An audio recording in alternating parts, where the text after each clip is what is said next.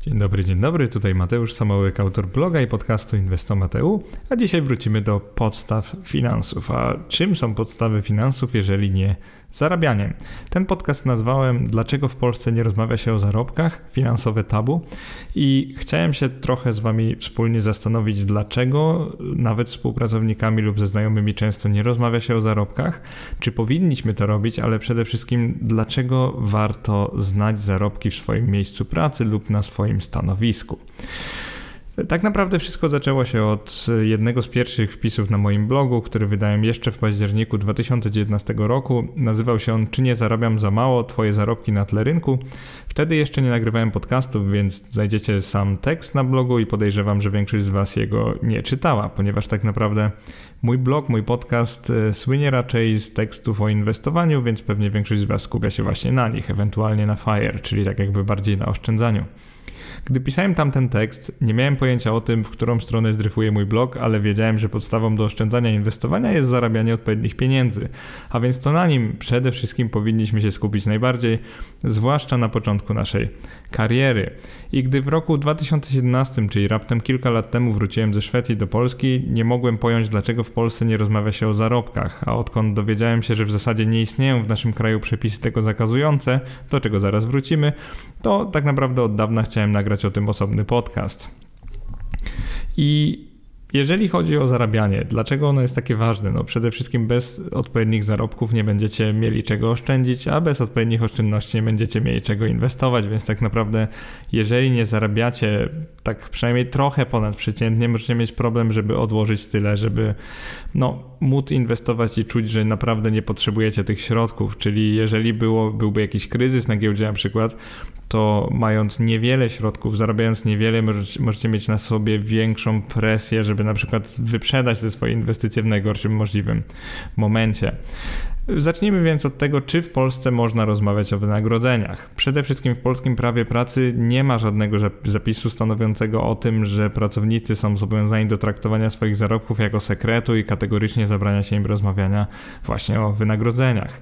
Istnieje jednak coś takiego jak tajemnica wynagrodzenia, ale do jej przestrzegania zobowiązany jest pracodawca, a nie pracownik, więc ci z Was, którzy nie wiedzą o tajemnicy wynagrodzenia, to w artykule 23 i 24 kodeksu cywilnego znajduje się coś takiego jak e, zakwalifikowanie wynagrodzenia do dobra osobistego. I to oznacza e, mniej więcej tyle, że ujawnienie bez zgody pracownika jego wynagrodzenia jest naruszeniem dobra osobistego, więc po prostu pracodawca lub jakikolwiek inny pracownik nie powinien naruszać tego dobra, więc nie powinno się rozmawiać o pensjach osób e, w sposób specyficzny, czyli nie powinniśmy wskazywać naszego kolegi, na przykład zespołu lub koleżanki i mówić, że on lub ona zarabiają tyle i tyle, ponieważ w pewnym sensie tak pracodawca, jak i my możemy naruszyć jego dobro osobiste. I na dowód tego, że jest to dobro osobiste, jest uchwała Sądu Najwyższego, y, którą podlinkowałem we wpisie, który z kolei jest podlinkowany w opisie tego podcastu. Y, jeżeli chcecie znać historię, to w 1994 roku Sąd Najwyższy orzekł, że wynagrodzenie jest dobrem osobistym i nie można się dzielić e, tą informacją z nikim, włączając to innych pracowników. Ale oczywiście istnieje sposób na dowiedzenie się w swoim miejscu pracy, ile zarabiają inni. Jest to trochę sposób, e, powiedziałbym, niebezpośredni. Przede wszystkim możemy pójść do pracodawcy, czyli możemy spytać swojego pracodawcy, wręcz powinniśmy, o to, ile zarabia, ile powinno się zarabiać na naszym stanowisku. Więc jeżeli zapytamy pracodawcę o wynagrodzenia w firmie, zwłaszcza na naszych stanowiskach, jakichś podobnych do naszego, to to jest jak najbardziej na miejscu, ale nie spodziewajmy się, że pracodawca udzieli nam konkretnych odpowiedzi, ponieważ tak naprawdę pracodawca najłatwiej będzie mu podać nam przedział płac, czyli tak zwane widełki na podobnych stanowiskach i to jest jak najbardziej ok. Wręcz pracodawca, który tego nie zrobi, jakby grozi mu złamanie prawa pracy i tego, nie, tego równego traktowania pracowników, ponieważ każdy pracownik jednak ma prawo poznania właśnie przedziału płac na podobnych stanowiskach. Jeżeli chodzi o konkretne liczby dla danych stanowisk, no to to jest sprawa dyskusyjna, ponieważ pracodawca oczywiście może to zrobić, bo nie złamie żadnej konkretnej reguły, nie zdradzi tajemnicy, ponieważ nie poda przykład nazwisk na tych stanowiskach, natomiast jest to raczej mało popularne i podejrzewam, że większość pracodawców zwyczajnie tego nie zrobi, ponieważ odsłoniliby wam tak za dużo informacji i być może daliby zbyt dobrą bazę do negocjacji płacowych. Jeżeli chodzi o konkretne liczby dla pracowników, to oczywiście pracodawca nie może ich ujawnić, więc nie spodziewajcie się, że pracodawca powie wam, ile zarabia wasz kolega lub koleżanka z zespołu, bo to się po prostu nie zdarzy. I teraz wyobraźcie sobie, że idziecie do pracodawcy, pytacie o stawki na waszym stanowisku, a pracodawca odpowiada na przykład, no jest to pomiędzy 3 a 7 tysięcy złotych miesięcznie, czyli podaje bardzo szeroki przedział. Wtedy możecie oczywiście czuć się nieco rozczarowani, no bo wtedy od czego zależy to, czy dostaje się 3 czy 7 tysięcy złotych. Często pracodawca oczywiście odpowie wymijająco i nie poda dokładnej odpowiedzi, a my na przykład zarabiając 5 tysięcy wtedy złotych miesięcznie, będziemy się zastanawiać w jaki sposób można uzyskać to 7 tysięcy złotych miesięcznie.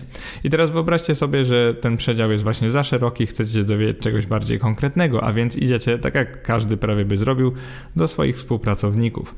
I jeżeli chodzi o klauzulę poufności wynagrodzenia, bo pewnie wiele z Was ma w umowach taki zapis, czyli według niego rzekomo tajemnicy wynagrodzenia musi dochować podpisujące umowy pracownik tak długo jak ta umowa trwa. I to oczywiście oznacza, że nie może zdradzać y, wysokości swojego wynagrodzenia komukolwiek, czyli ani innym pracownikom firmy, ani pracownikom innych firm, ani nawet swojej rodzinie.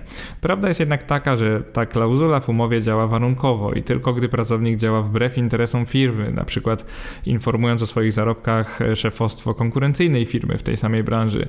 Natomiast poinformowanie działającego w dobrej wierze i we własnym zakresie współpracownika o swoich zarobkach nie jest i nie może być zabronione przez pracodawcę.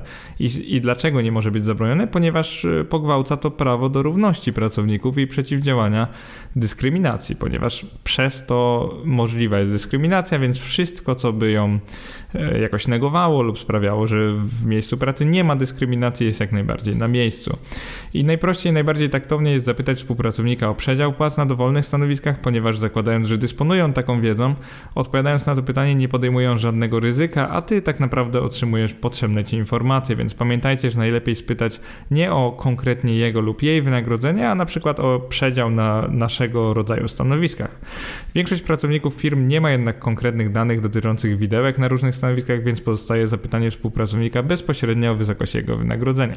Przez wiele osób w Polsce uznawane jest to nietaktowne, ale według mnie jest to bardzo skuteczna metoda dowiadywania się, czy nasze pensje są uczciwe, czy nie. I oczywiście pamiętajcie, że pytając kogoś o jego wynagrodzenie, warto jest też podać swoje, a można nawet od tego zacząć, ponieważ ta informacja też może się jemu lub jej przydać w przyszłości, na przykład w negocjacjach z pracodawcą.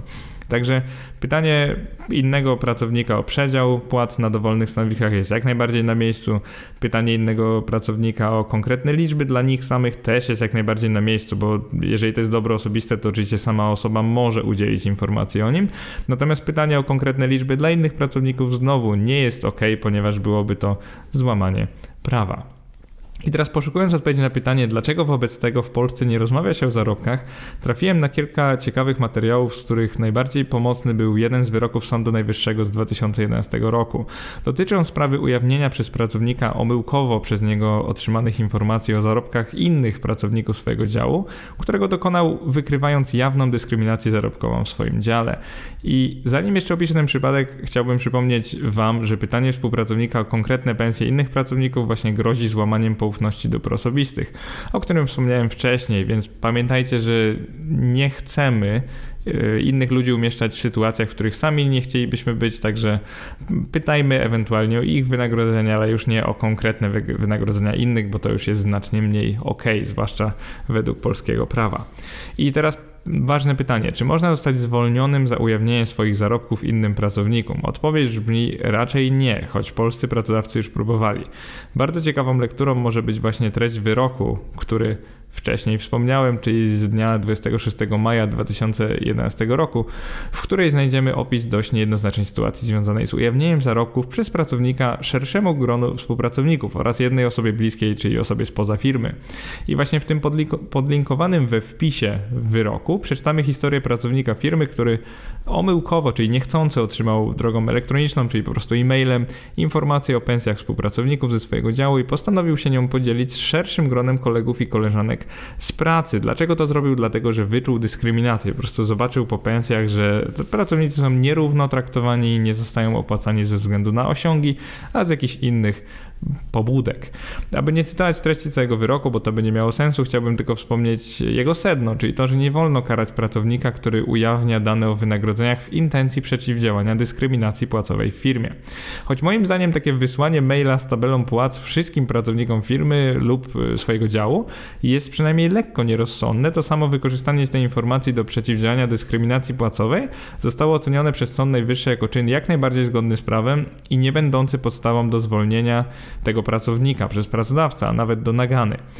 Jeżeli chodzi o Polskę, to brak transparentności płacowej jest w Polsce ogromnym problemem i z pewnością nie pomagają tu pracownicy, którzy boją się o własną skórę za bardzo, by poinformować innych o swoich zarobkach. I nie mówię tu, że trzeba mówić na lewo i prawo wszystkim, ile zarabiamy, bo to by nie miało sensu. Natomiast jeżeli ktoś szuka takiej informacji, żeby lepiej rozumieć, jaka jest jego pozycja w firmie i oczywiście obiecuje, że nie ujawniać jej nikomu innemu, to uważam, że takie poinformowanie jest jak najbardziej na miejscu, ponieważ możemy komuś po prostu pomóc. I teraz, dlaczego w Polsce nie rozmawia się o zarobkach, czyli sedno tego podcastu? Tak naprawdę można zadać kilka innych pytań, czyli dlaczego w Polsce praktycznie nie rozmawia się o finansach i gospodarce? Dlaczego w Polsce tak mało rozmawia się o inwestowaniu? Dlaczego w Polsce bogactwo kojarzy się raczej pejoratywnie, czyli negatywnie, a bogacz to w naszym kraju niemal synonim oszusta? I powodów ku temu jest wiele, ale z czasem i wraz z postępowaniem tej wymiany pokoleniowej obserwuję, że pieniądze przestają być na szczęście tematem tabu, niejako wchodząc pod strzechy, o czym świadczy również popularność moich treści o prostym inwestowaniu pasywnym. I teraz wracając do samych zarobków, uważam, że taktowna i dyskretna rozmowa o poziomie wynagrodzeń w swojej firmie lub w swoim zawodzie może tylko się każdemu przydać. I nie powinno się od niej stronić, jeśli finanse są ważną częścią naszego życia i chcemy być za naszą pracę po prostu uczciwie opłacani, tak jak pewnie wszyscy właśnie chcemy być.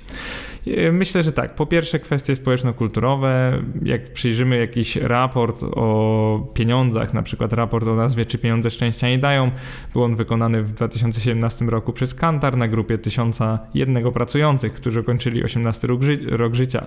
Z raportu wynika, że ponad połowa Polaków nie rozmawia ze współpracownikami o wynagrodzeniach, a im bardziej wykształcona jest osoba i im więcej zarabia, tym mniejsza jest szansa na to, że dzieli się z innymi informacją o swoich zarobkach.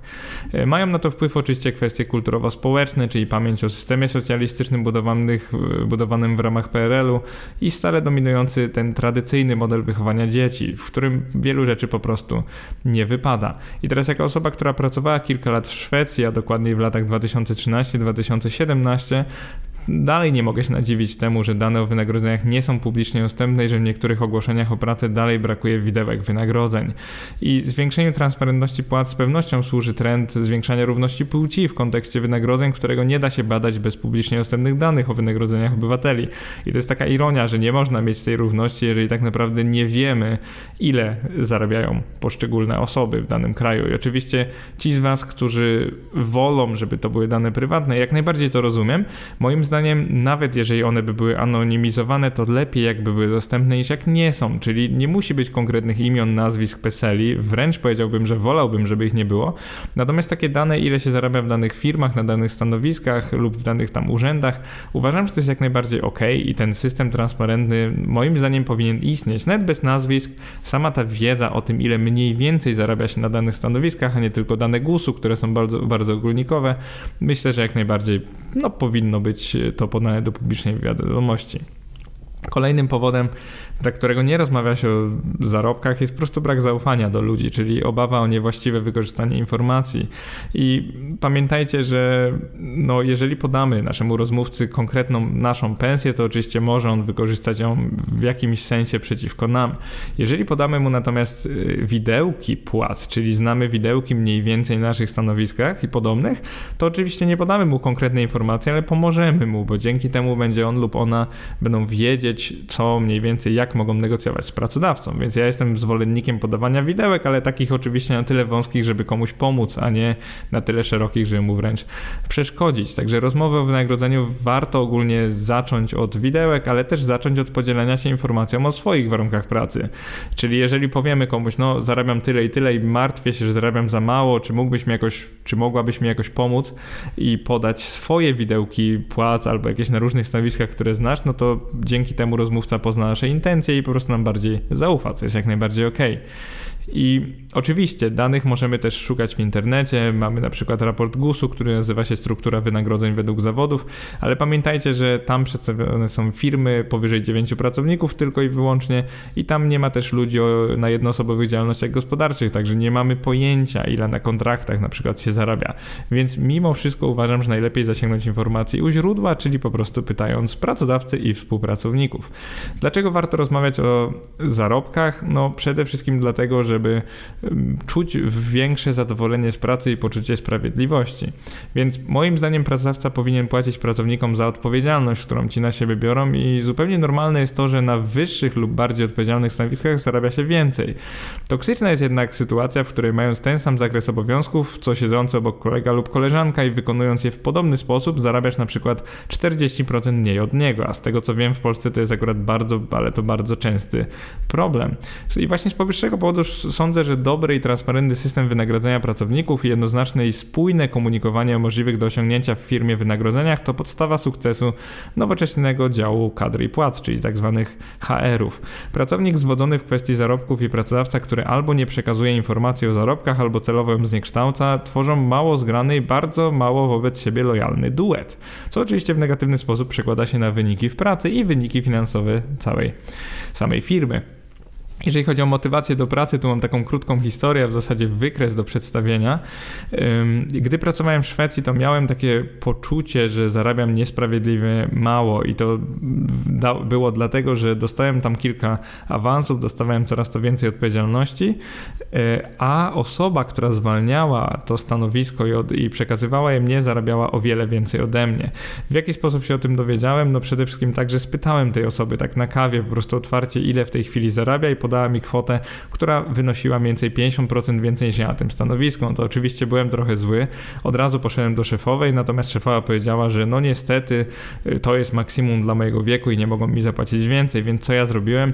W Szwecji właśnie płace są publicznie dostępne, kupujesz taką książkę telefoniczną, jakby ona trochę kosztuje, ale niewiele. Tam są nazwiska, adresy i dane w postaci stawek podatku z pracy i źródeł kapitałowych osobno, więc możemy dzięki temu dojść do tego, ile kto zarabia na jakimś tam stanowisku, więc jeżeli znamy ludzi w naszym dziale i wiemy, jakie mają stanowiska i w jakim są wieku, a to jest akurat też informacja publicznie dostępna w Szwecji, to możemy zestawić sobie taki wykres wynagrodzeń. No i jeżeli spojrzymy na ten, który ja zestawiłem, to zobaczymy, to są wszyscy ludzie z mojego działu w tamtym momencie i te takie czerwone y, kropki, niektórzy mogą je zobaczyć jako pomarańczowe, w każdym razie te w innym kolorze, nie granatowe, to są ludzie na tym samym stanowisku, które ja wtedy powiedzmy piastowałem, nazwijmy to, mają wtedy 27 7 lat. I teraz to pokazuje, że im ktoś jest starszy, tym ma wyższe wynagrodzenie. No i problemem było to, że nikt nie patrzył na osiągi w pracy, nikt nie patrzył na to, jakie są opinie innych o tym, co robimy, a wszyscy patrzyli tylko i wyłącznie na wiek. Więc ja po prostu, dla mnie to był prawdziwy cios, jak zobaczyłem ten wykres. Zresztą sam go wykonałem i byłem od tego momentu bardzo niezadowolony, ponieważ było dla mnie jasne, że w tej firmie nie opłaca się starać, a wystarczy wykonywać swoje obowiązki tak przeciętnie i po prostu poczekać na określony wiek, bo wynagrodzenie zależy właśnie od niego, a nie od osiągów pracownika. No i wystarczyła jedna zmiana pracodawcy, bym zauważył, że może być inaczej, a stawki wynagrodzenia mogą być powiązane z jakością pracy i jego oceną przez przełożonych innych pracowników, a nie właśnie wiekiem, więc dla mnie to było naprawdę dyskryminujące, że w danym wieku nie mogę zarabiać tyle, co inni w innym wieku, jeżeli robię dokładnie to samo. No i kolejnym powodem, dla którego warto moim zdaniem rozmawiać o zarobkach, to jest więcej kapitału na inwestowanie i tutaj po prostu wkleiłem taki prosty wykres pokazujący jaką różnicę robi inwestowanie przykład 1000 zł miesięcznie, a 500 zł miesięcznie. Więc jeżeli zarabiamy nawet trochę więcej, jesteśmy w stanie oszczędzić, zainwestować tylko trochę więcej, to w okresie 50-letnim nasze inwestycje, no wpływ tego będzie po prostu przeogromny. I oczywiście arytmetyka nie kłamie, więc to jest różnica. Oczywiście jeżeli na to samo lokujemy e, dwukrotnie więcej pieniędzy, to oczywiście na końcu też będzie dwukrotnie więcej pieniędzy, ale w perspektywie możecie zobaczyć, ile to jest milionów więcej, no bo w te 50 lat zamiast kilkunastu milionów uzbieramy już kilkadziesiąt, jeżeli po prostu będziemy zarabiać tylko trochę więcej i dzięki temu oszczędzimy i zainwestujemy trochę więcej. I mam nadzieję, że ten podcast był dla Ciebie równie lekki w odbiorze, jak dla mnie sprawny w nagraniu, ale nie bagatelizowałbym jego przekazu, bo może poprawić to kondycję Twoich finansów bardziej niż większość innych tekstów na blogu i podcastów, które dotychczas nagrałem. Jestem bardzo ciekaw tego, co sam lub sama uważasz. Czy pytanie innych o zarobki jest taktowne, czy preferujesz może alternatywne sposoby, przykład przeglądanie statystyk, wyników ankiet, czy zwyczajne szukanie ofert pracy, które zawierają widełki wynagrodzeń, których też w naszym kraju jest coraz więcej. A może wolisz żyć w nieświadomości, czyli ta wiedza o zarobkach tylko by sprawiła, że masz mniej, a nie więcej motywacji do pracy, bo i tak nie poprosił lub nie poprosiłabyś szefa o podwyżkę. Tak naprawdę bardzo mnie to ciekawi, więc daj znać oczywiście w komentarzach, pod wpisem na blogu i na YouTubie pod filmikiem. Bardzo dziękuję za wysłuchanie i do następnego. Cześć!